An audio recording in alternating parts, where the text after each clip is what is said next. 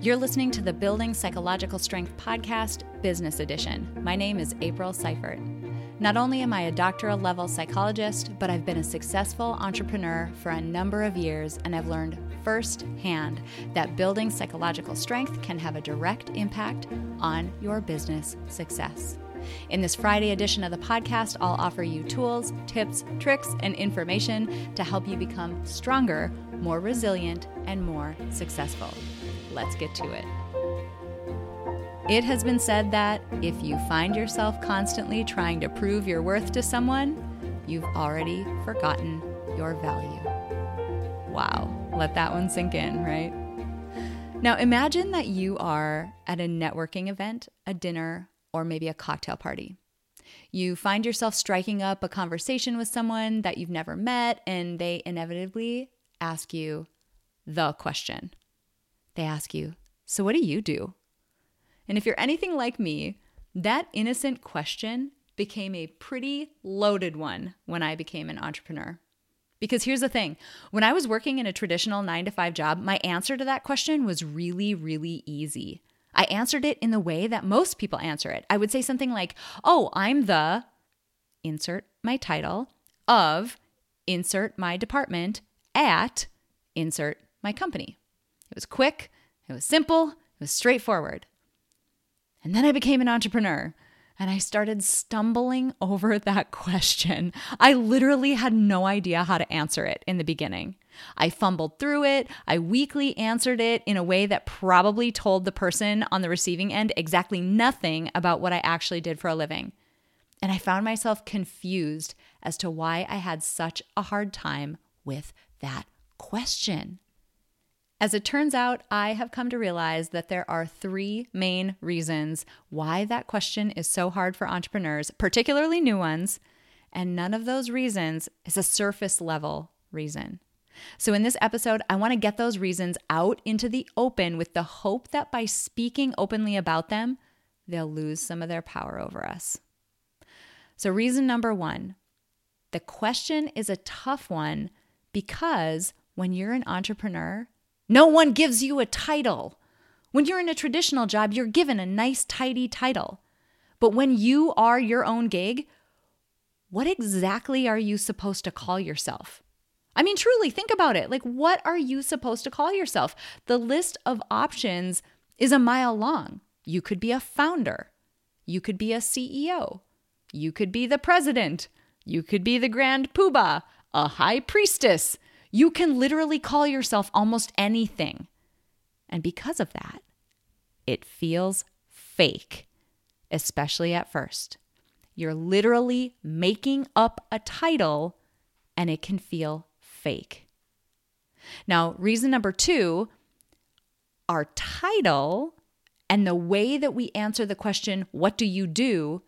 is one way that we signal our value to other people if we're being totally honest, many of us wrap our own personal value up in the work that we do.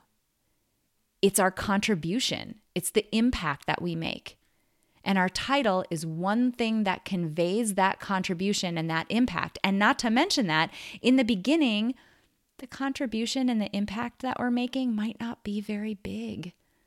Businesses take time to scale and gain traction, and the biggest, most impactful businesses, they began tiny. So, our made up title in our tiny business can make us feel like we have next to no value at all. And reason number three, beyond signaling our value both, you know, to others and to ourselves, our title, it's an important source of our identity for many of us. I mean, let's call it like it is. Entrepreneurs, we're a passionate bunch. It's both a superpower because it keeps us going and it fuels our work, but it can be our kryptonite. That passion leads us to integrate our work with our worth and our identity, which sets us up for some dissonance, especially when the identity of entrepreneur is a new one for us. So, when you think about these three reasons, the fact that we make up our own title, the fact that our made up title is supposed to signal our value, and that our made up title is supposed to help fulfill part of our identity, you can totally understand why you might feel squeamish when somebody asks you the seemingly simple, straightforward, innocent question What do you do? So, how do we get more comfortable? Well, here's a few tips that helped me. First, about the title itself. Just pick one. Just pick a title. Pick any title. It literally doesn't matter. Pick one that feels the least contrived to you and go with it. You can always change your mind later. And chances are, no one's paying as close of attention to you as you are. Second, don't think about your business in its current state. Your business very well might not be creating the size of impact you hope it creates one day. And that's fine. Focus on the big goal that you're chasing and consider this stage of your business as on the path to that goal. So you are the founder, CEO, president, doesn't matter. You are the title of a company whose aim it is to insert your big goal. That's how you answer that question. I am the founder of a company whose aim it is to make psychological information more available to a wider audience. Don't worry about your current state. Your value is not in your current state, it's in the big vision you're chasing, the direction you're going. Finally, this is going to seem like it's out of left field, but relationships with other people and community are incredibly important. Work hard to build even a small community of other entrepreneurs around you. You see, we get our identity partly from the things that we individually do and experience, the stuff that we specifically do. But a big part of it comes from the community we're a part of.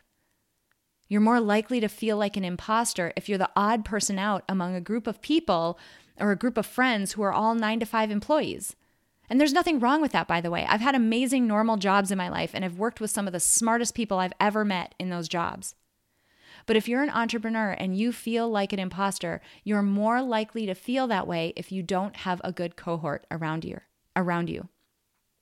You're more likely to feel authentically positioned inside of that title that you made up if you have others around you who are also solid in their own roles and identities that they made up. So let's sum all of this up.